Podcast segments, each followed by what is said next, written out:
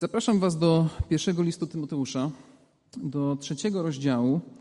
E, I przeczytamy wiersze od pierwszego do siódmego. Pierwszy list do Tymoteusza, trzeci rozdział, wiersze od pierwszego do siódmego i czytamy następujące słowa. Prawdziwa to mowa, kto o biskupstwo albo o starszeństwo się ubiega, pięknej pracy pragnie. Biskup zaś ma być nienaganny, mąż jednej żony, trzeźwy, umiarkowany, przyzwoity, gościnny, dobry nauczyciel, nie oddający się pijaństwu, nie zadzierżysty, lecz łagodny, nieswarliwy, niechciwy na grosz, który by własnym domem dobrze zarządzał, dzieci trzymał w posłuszeństwie i wszelkiej uczciwości. Bo jeżeli ktoś nie potrafi własnym domem zarządzać, jakże będzie mógł mieć na pieczy Kościół Boży?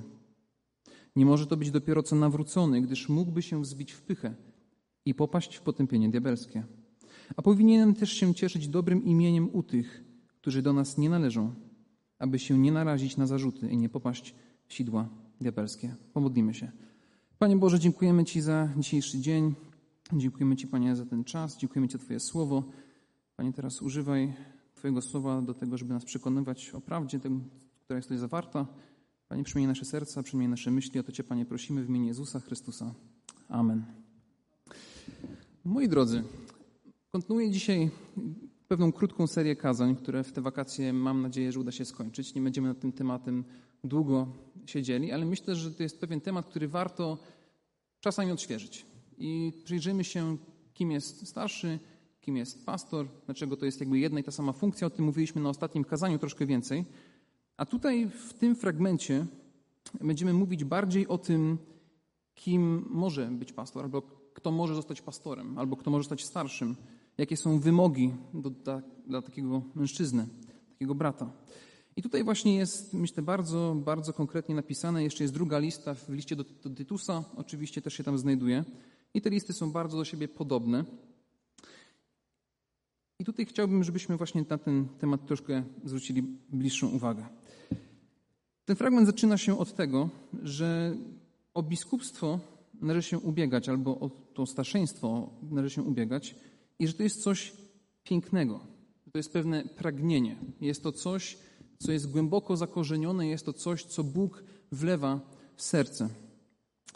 I na, ostatni, na ostatnim kazaniu troszkę ten temat był poruszony, ale tutaj jest on o wiele lepiej wyjaśniony, tak mam wrażenie.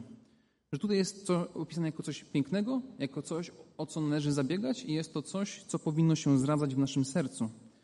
I co więcej, czytamy o tym, że to jest coś pięknego, jest to piękna praca, jest to piękne pragnienie. I jest to słuszne pragnienie. Czytamy w innym miejscu pisma, że żniwo jest obfite, ale robotników jest mało. Więc wydaje się, że jedną z takich ważniejszych rzeczy, które jako Kościół możemy robić dzisiaj, na przykład, jest modlić się o kolejnych ludzi, którzy to pragnienie, które tu się pojawia, w sobie zrodzili. Żeby to pragnienie Bóg zrodził w ich sercach i żeby zapragnęli tej, tej pracy, tej służby w taki sposób. Żniwo jest obfite, robotników jest mało, ale równocześnie nie chodzi tylko o samo pragnienie, ale również chodzi o to, żeby o to pragnienie zabiegać, żeby coś z nim więcej zrobić. Czyli trzeba to zwerbalizować, trzeba to ruszyć dalej do przodu. I myślę, że najlepiej jest porozmawiać z pastorem albo innym starszym o tym pragnieniu, poinformować kogoś, zapytać się, co o tym sądzisz, jak myślisz, czy byłbym odpowiednim człowiekiem na takie stanowisko. Bo jak się okazuje, patrząc na ten fragment, to samo pragnienie nie wystarcza.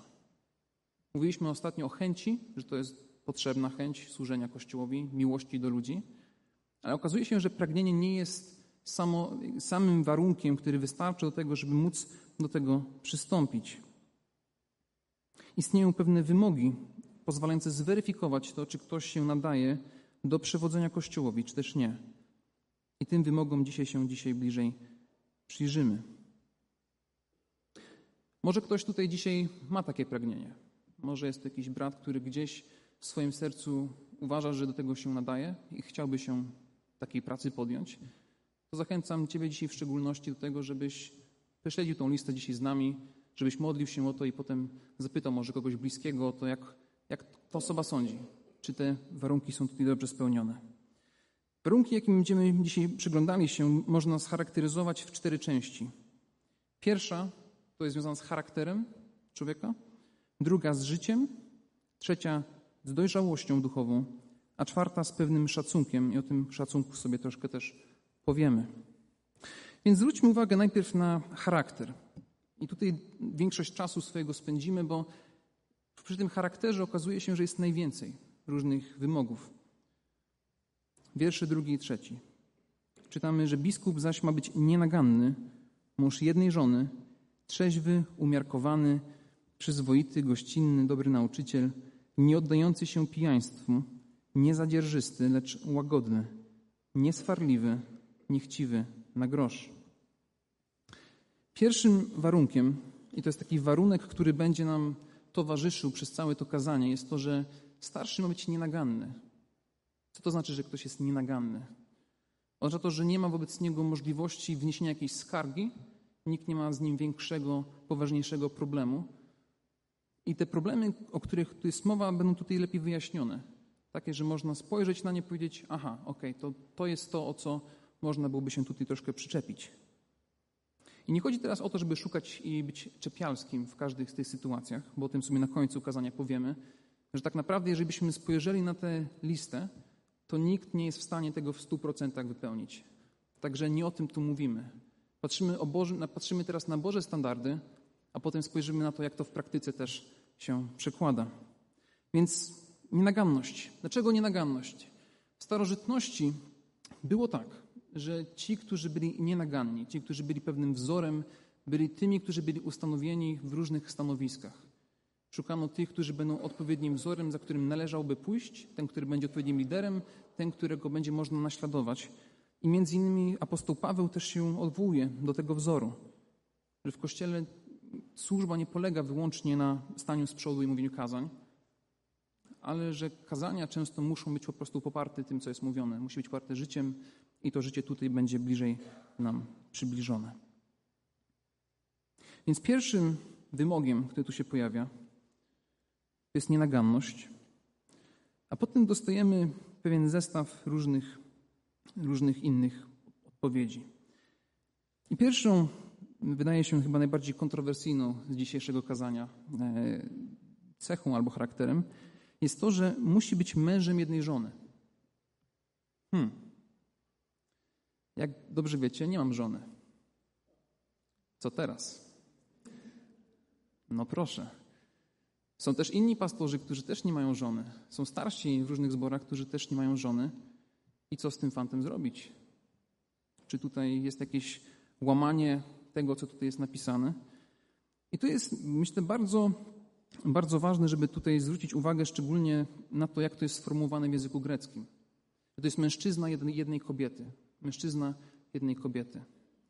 Czyli niekoniecznie ten fragment musi automatycznie oznaczać to, na co pierwszy rzut oka nam się wydaje. To nie jest taki szachmat celibacie, ale raczej mówi o zachowywaniu wierności męża do swojej żony. I wytłumaczę, dlaczego tak uważam. Po pierwsze, w pierwszym liście do Koryntian, w siódmym rozdziale, apostoł Paweł ewidentnie pisze te słowa z perspektywy kogoś, kto nie jest w posiadaniu żony. Pierwszy list do Koryntian, siódmy rozdział, wiersz ósmy. Otwórzcie proszę.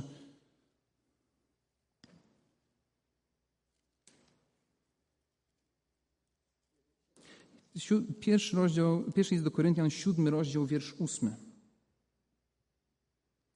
I czytamy, e, możemy siódmy i ósmy czytać. A wolałbym, aby wszyscy ludzie byli tacy jak ja.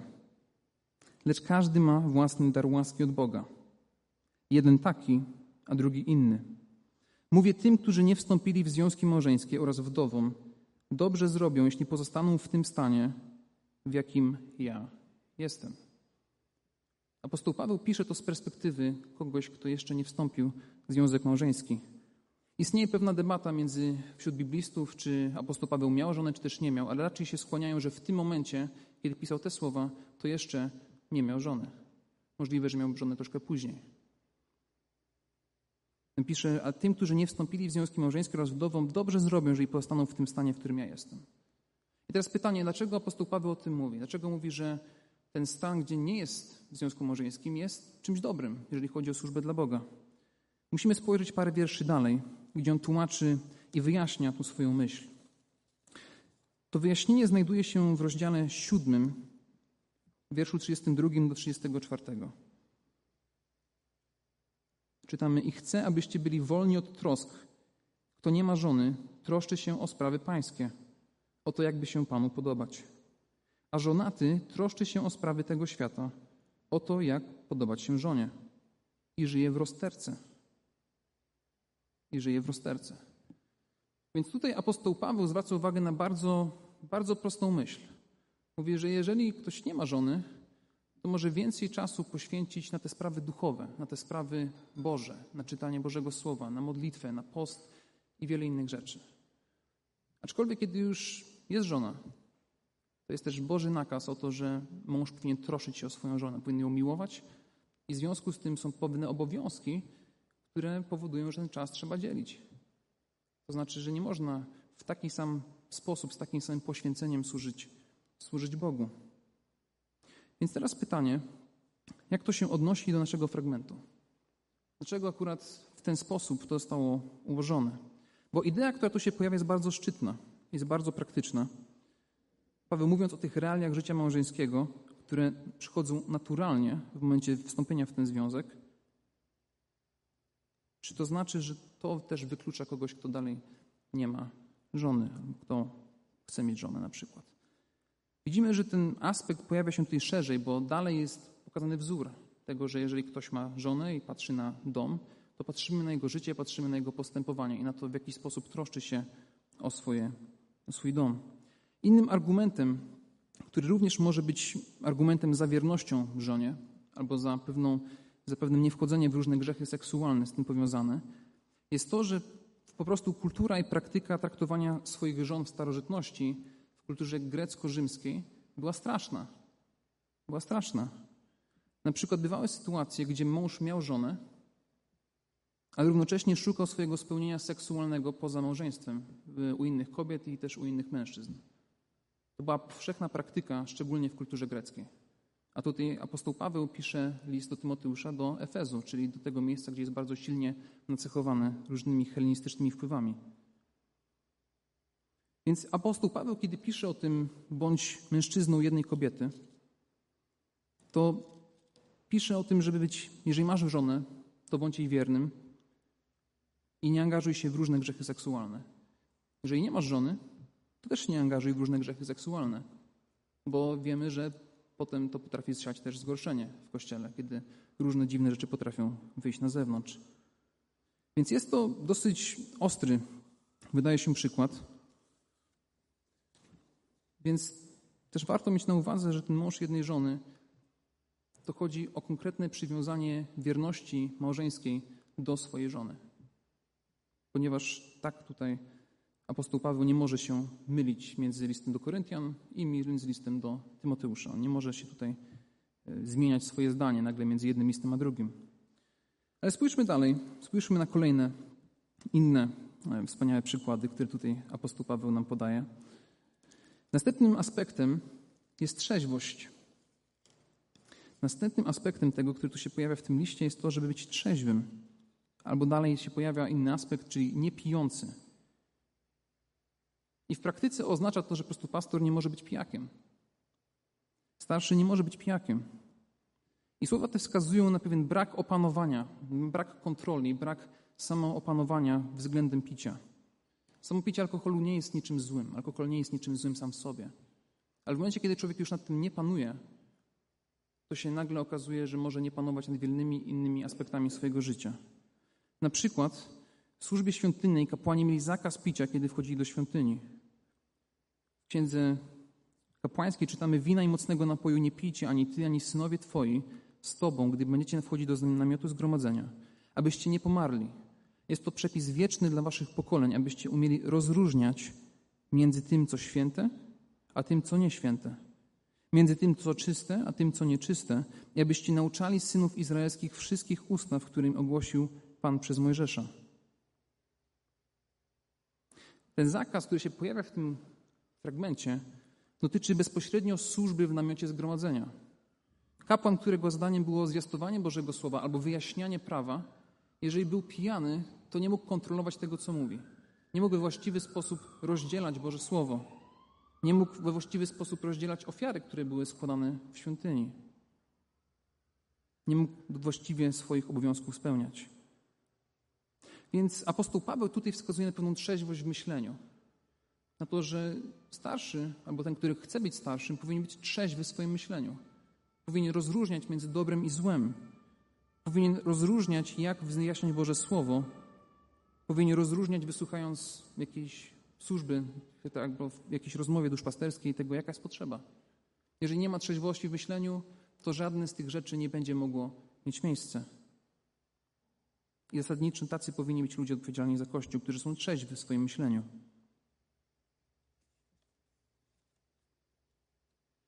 Następnym aspektem, który się pojawia, jest umiarkowa, umiarkowo, umiarkowanie i przyzwoitość. Ale co to znaczy być przyzwoitym? To różne tłumaczenia mogą to różnie tłumaczyć, a tu się pojawiają dwa słowa: umiarkowany, przyzwoity. W języku greckim są to słowa o podobnym, zbliżonym znaczeniu i wskazują na pewne życiowe uporządkowanie. Jedno wskazuje na wewnętrzne uporządkowanie, czyli uporządkowanie swojego umysłu, czyli pewna dyscyplina swojego umysłu, czy człowiek potrafi opanować swoje impulsy. A jeżeli jest umiarkowany i opanowany w swoim umyśle, w swoim impulsie, to będzie też umiarkowany i w odpowiedni sposób zdyscyplinowany w swoim życiu. Wnętrze przekłada się na to, co jest na zewnątrz. To samo słowo, na przykład przyzwoity, pojawia się w innym miejscu jako y, ubrania, które noszą kobiety. Czyli coś, co musi być widoczne na zewnątrz. Więc jeżeli coś, co jest wewnątrz, jest dobrze uporządkowane, to to, co będzie na zewnątrz, też będzie dobrze uporządkowane. Jest to pewien porządek życiowy, który wynika z samoopanowania, ponieważ umie odpowiednio priorytetyzować to, co ma w swoim życiu najistotniejsze. Potrafi coś odpowiednio zorganizować, przygotować. I ten porządek życiowy, czy też porządek w życiu, wiąże się z tym, co się pojawia parę wersetów dalej, jeżeli chodzi o życie takiego starszego. Kolejnym zestawem różnych tutaj cech, czy też charakterów jest to, że nie, nie powinien być wybuchowy, nie powinien być kutliwy, ale łagodny. Dzisiaj tutaj kontrastują ponownie dwa różne rodzaje charakterów albo cech charakterów. Po pierwsze, niewybuchowość. Ciekawostką tutaj w języku greckim jest to, że to jest człowiek, który ma w pogotowiu broń. Czyli to jest taki, który jak tylko się z czymś nie zgodzi, ktoś mu coś powie takiego, z czym się nie zgadza, to on już jest gotów wziąć swoją pałkę albo swój miecz i po prostu z kimś walczyć. To jest taka wybuchowość, to jest takie nastawienie wojownicze. To się całkowicie mija z tym, co się na przykład pojawia w drugim liście do Tymoteusza, w czwartym rozdziale, wierszu drugim, gdzie głoś słowo, bądź pogotowy w każdy czas, dogodny czy niedogodny, karć grom i napominaj, uwaga, z wszelką cierpliwością i pouczaniem. Zadaniem starszego jest w cierpliwy sposób znosić tych, którzy w jakiś sposób czasami się z nim nie zgodzą. Nie znaczy, że ma teraz wychodzić, robić własną krucjatę za każdym razem, kiedy coś mu się tylko nie spodoba. To nie jest zadanie starszego. Drugim aspektem, który tu się też pojawia, jest kłótliwość, czyli szukanie zaczepki, ciągła kłótnia. I często w rozmowie z człowiekiem, który jest kłótliwy, można to wyczuć po kilku minutach rozmowy że się zaczyna rozmawiać i już wiesz, że ktoś ma jakiś, tutaj chce się kłócić, chce mieć jakieś dyskusje i to po prostu trwa. I za każdym razem, jak się z tą osobą rozmawia, to znowu jest kwestia dyskusji, znowu jest kwestia kłótni i nie ma w tym żadnego pokoju. Nie ma w tym żadnego spokoju, nie ma w tym żadnej cierpliwości, wysłuchania drugiej strony. Raczej jest szukanie słówka tutaj, tam, tak dalej. Jeżeli ktoś ma takie nastawienie, to to nie jest nastawienie, które się powinno wiązać z kimś, kto powinien w cierpliwości pouczać. I te dwie cechy bardzo negatywnie oddziaływują na sprawowanie swoich pasterskich głosów. Bo duszpasterzy, też pastorzy mają dwa głosy.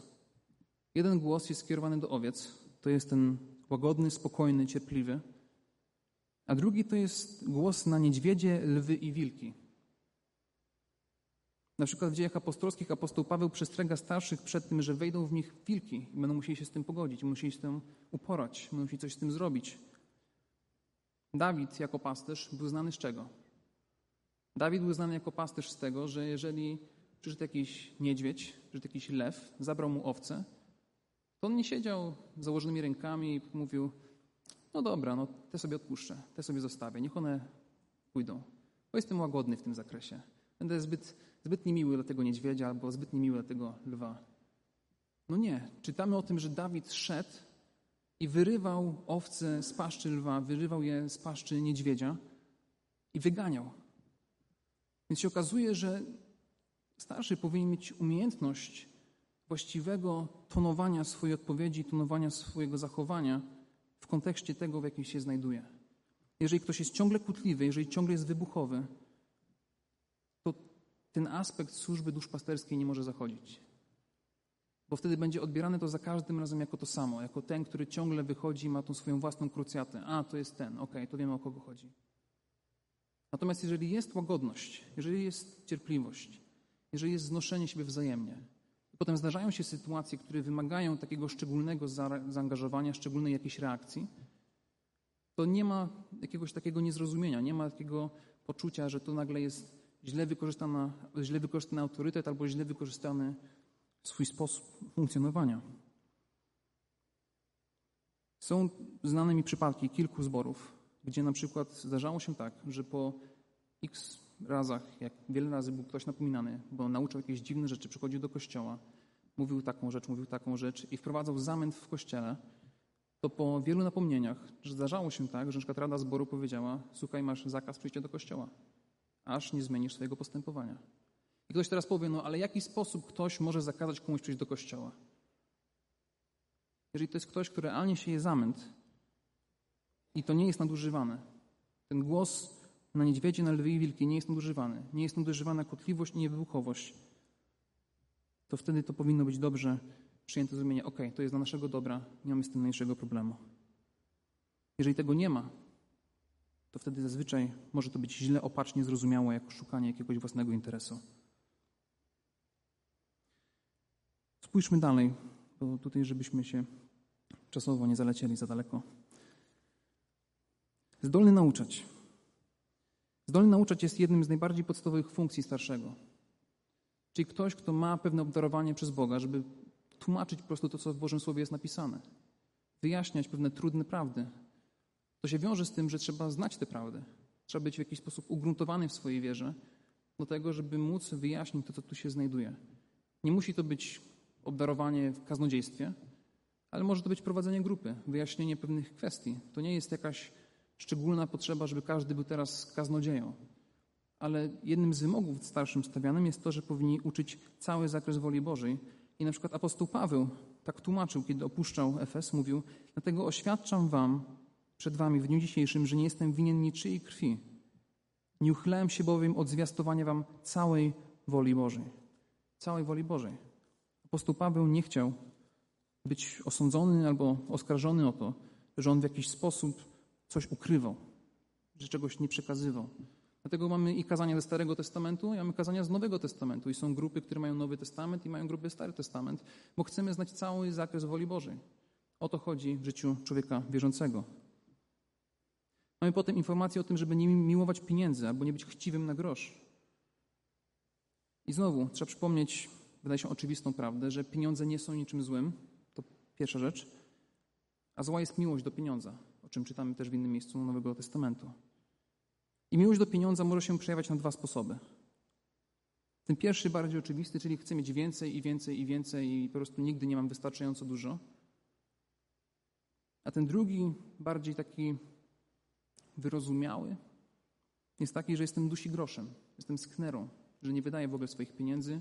Są ludzie w potrzebie, może nawet moi bliscy w potrzebie i w ogóle się o nich nie troszczę w żaden sposób na tych pieniędzy nic nie wydaję, bo każdy grosz muszę dokładnie policzyć, bo te pieniądze bardzo, bardzo miłuję.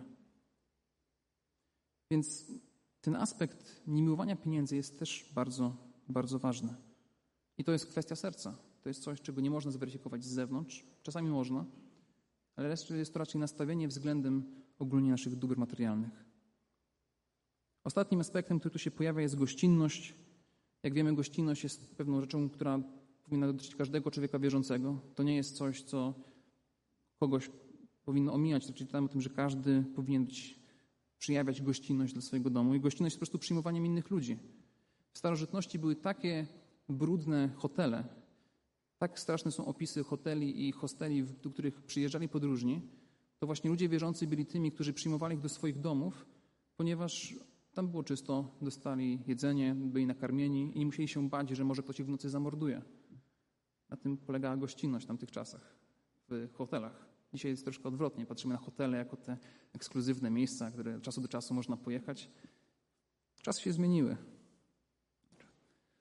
Więc jeżeli ktoś jest gościnny, to przyjmuje do swojego domu albo przyjmuje w miejsce, gdzie może kogoś ugościć. Pamiętam jedno, jedno kazanie na temat gościnności i było pytanie tego kaznodzieja, no dobrze, jestem studentem, to jak ja mogę okazać gościnność? Bo ja nie mam dużo pieniędzy, mam pokój, e, który wynajmuję, to w jaki sposób ja mogę okazać gościnność? Pamiętam do dzisiaj to, co ten kaznodzieja powiedział. Powiedział, że czasem największym przejawem gościnności jest to, kiedy dasz komuś tosta z keczupem. Dasz komuś tosta z keczupem, otworzysz mu swój dom, na chwilę porozmawiacie, to to już może być przejaw ogromnej gościnności z twojej strony. Czasami nie, wystarczy, nie, nie musi być to wiele. Czasami się wydaje, że gościnność to musi być bardzo, bardzo wielka okazała, bo dobrze jak jest. Ale też nie musi zawsze taka być. Więc to są jakby te cechy charakteru. I tu była nasza najdłuższa część, teraz te trzy punkty ostatnie będą troszkę szybsze. Kolejnym punktem, który się pojawia, jest życie. Czyli mamy charakter, czyli jaki ten człowiek jest, a teraz w jaki sposób to się przejawia w jego życiu, w jaki sposób on postępuje, w jaki sposób to jest widoczne u niego. I tutaj dostajemy pewien, pewien wzór w wierszu e, czwartym i piątym, który jest bardzo, bardzo osobisty. Który by własnym domem dobrze zarządzał, dzieci trzymał w posłuszeństwie i wszelkiej uczciwości, bo jeżeli ktoś nie potrafi własnym domem zarządzać, jakże będzie mógł mieć na pieczy Kościół Boży? I to, o czym tutaj apostoł Paweł pisze, jest to, że jeżeli ktoś ma rodzinę, ma dzieci, ma żonę, to rodzina jest zasadniczo wizytówką pastora. Jak się prowadzi dom pastora, tak też można się spodziewać, że będzie prowadzony kościół. To oznacza, że troska o rodzinę przez pastora jest niezwykle ważna. Pastor najpierw ma odpowiedzialność względem własnego domu, a dopiero później zboru. Dlaczego? Bo pastor nie jest ciałem jednym ze zborem. Pastor się nie żeni ze zborem. Pastor się żeni z swoją żoną. Oni są jednym ciałem. Jeden pastor, który napisał bardzo ciekawą książkę na temat służby skupionej na Ewangelii, powiedział bardzo, bardzo ciekawe słowa. Chcesz dobrze miłować Kościół? To dobrze miłuj i troszcz się o swoją żonę. Chcesz dobrze miłować Kościół? Chcesz kochać Kościół? To kochaj swoją żonę. Mam nadzieję, że Bóg da mi odpowiednią mądrość w tym zakresie w moim życiu. I oczywiście pytanie też jest takie, kiedy te dzieci, które się pojawiają, kiedy jest ta odpowiedzialność zniesiona? Do kiedy te dzieci są wizytówką pastora? I tu są zdania podzielone. Do kiedy starszy, czy też kandydat na starszego, te dzieci, którymi się opiekuje, czytamy, że mają być w posłuszeństwie wychowywane. Więc tu jest pewne pytanie, które zasadniczo można założyć tak, że jak już dziecko wychodzi z domu, już nie jest pod opieką bezpośrednio rodzica, to to już nie jest ta odpowiedzialność. To już nie jest to samo nastawienie, chociaż wiemy, że rodzice i tak zawsze będą mówili o swoich dzieciach, nawet jak będą dorosłe, to są ich dzieci. To się chyba nigdy nie zmieni. Zawsze tak będzie, że dzieci będą dziećmi. Jak nie, nie ma znaczenia, jak dorosłe będą. Trzecia, trzeci punkt, który też będzie w miarę szybki, ale myślę też niezwykle istotny, jest to, który się pojawia w wierszu szóstym. Nie może to być dopiero co nawrócony, gdyż mógłby wzbić się w pychę i popaść w potępienie diabelskie. Tutaj apostoł Paweł pisze o zagrożeniu ambicji, o zagrożeniu tego, że w kościele, jeżeli ktoś się nawraca, ma ciekawe świadectwo, może, to bardzo szybko może być wyniesiony na wysoki piedestał, na jakieś wysoko postawione miejsce. Istnieje tutaj niebezpieczeństwo wspinania się może po szczeblach kariery kościelnej.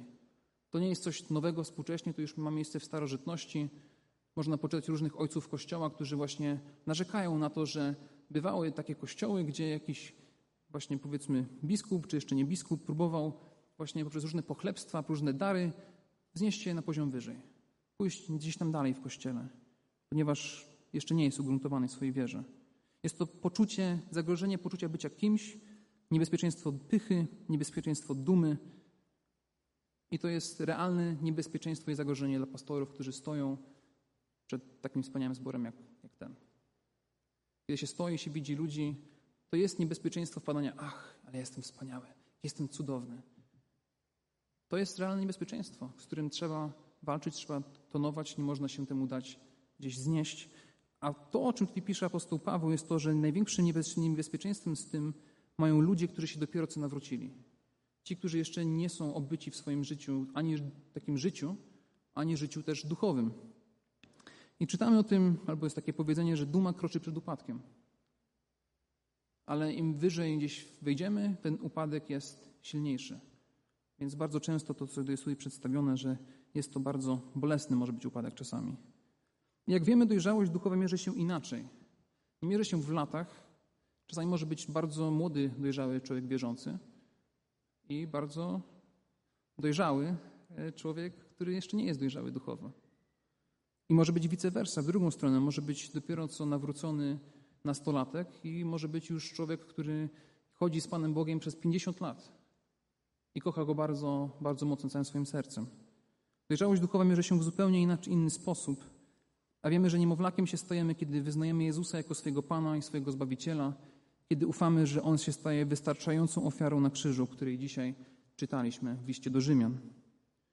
W Kościele Baptystów na przykład można stać pastorem dopiero, kiedy ktoś ukończy 25 lat jest członkiem Kościoła od 6 lat. Ponieważ jest niebezpieczeństwo, to o którym już mówimy, jest chronione przed tym, żeby to w jakiś sposób może przy tym zapobiec. I ostatni punkt, który tu się pojawia, jest reputacja. Czyli jak się ten człowiek prowadzi poza środowiskiem kościelnym. Zwróćcie uwagę na wiersz siódmy. A powinien też cieszyć się dobrym imieniem u tych, którzy do nas nie należą, aby nie narazić się na zarzuty i nie popaść w sidła diabelskie. To, o czym tu apostoł Paweł pisze, to są ludzie poza Kościołem. Ludzie, którzy widzą nasze życie, kiedy nie jesteśmy razem na nabożeństwie, kiedy nie jesteśmy razem na grupie biblijnej. Bo jeżeli na nabożeństwie chodzimy, się wspaniale modlimy, tutaj używamy pięknych, anielskich słów praktycznie, a potem wychodzimy i w pracy bluźnimy, i potem zostajemy starszym czy kimś, a potem nie ma co się dziwić, że ktoś będzie mówił, ach, tam u nich to tak można być po prostu w kościele, no proszę. Więc chcąc, nie chcąc, to w jaki sposób się prowadzimy w dowolnym miejscu, czy to jest w kościele, czy też poza, ma ogromne znaczenie, bo pokazuje stan naszego serca. Pokazuje to, kim tak naprawdę jesteśmy. Czy w kościele postępuje się tak samo jak na zewnątrz? Więc jeżeli ktoś ma zrozumienie i nie ma problemu w tym zakresie, to to jest jak najbardziej dobra rzecz. No i teraz kończąc kazanie, musimy zadać sobie temu bardzo poważne pytanie. Kto może temu sprostać? Kto może temu sprostać? Kto jest na tyle doskonały, tak jak tutaj apostoł Paweł pisze, bądźcie nienaganni. Który, który brat jest w stanie to wszystko doskonale spełnić? No nie ma takich. To, co można robić, jest patrzeć na to, kto najlepiej oddaje te, te standardy, kto najlepiej oddaje te wymogi, na tyle, ile jest tam dany przez Boga w zrozumienie, powierzyć to Bogu w modlitwie i zaufać, że słowa, które się znajdują na końcu Ewangelii Mateusza, które Jezus kieruje do swoich uczniów, do tych, których posyła na świat, że one realnie mają jakby wpływ u tych, którzy nie spełniają nawet w pełni tego, co tu się pojawia. 28 rozdział, wiersze 18 do 20. A Jezus przystąpiwszy, rzekł do nich te słowa: Dana mi jest wszelka moc na niebie i na ziemi. Idźcie tedy i czyńcie uczniami wszystkie narody, chrzcząc je w imię Ojca i Syna i Ducha Świętego, ucząc je przestrzegać wszystkiego, co ja wam przykazałem. Oto ja jestem z wami po wszystkie dni, aż do skończenia świata. Jeżeli polegamy tylko na podstawie tych wymogów, jeżeli polegamy wyłącznie na tym, jakim człowiek jest niesamowity, wspaniały, o jeszcze jaki, nie wiadomo jaki, jeżeli polegamy wyłącznie na tych wymogach, to to nie, to nie jest coś, co ma szansę bytu. To się zepsuje, to nie, to nie będzie działać. Jeżeli na przykład ufamy w to, że ostatecznie przez nawet te słabsze naczynia, przez tych ludzi, którzy nie są w stanie w 100% tego spełnić, Bóg i tak ich tego używa, ponieważ to obiecuje i gwarantuje, że On jest z nimi aż do skończenia świata, ponieważ Chrystus jest tym, który buduje swój Kościół. To nie ludzie budują swój Kościół.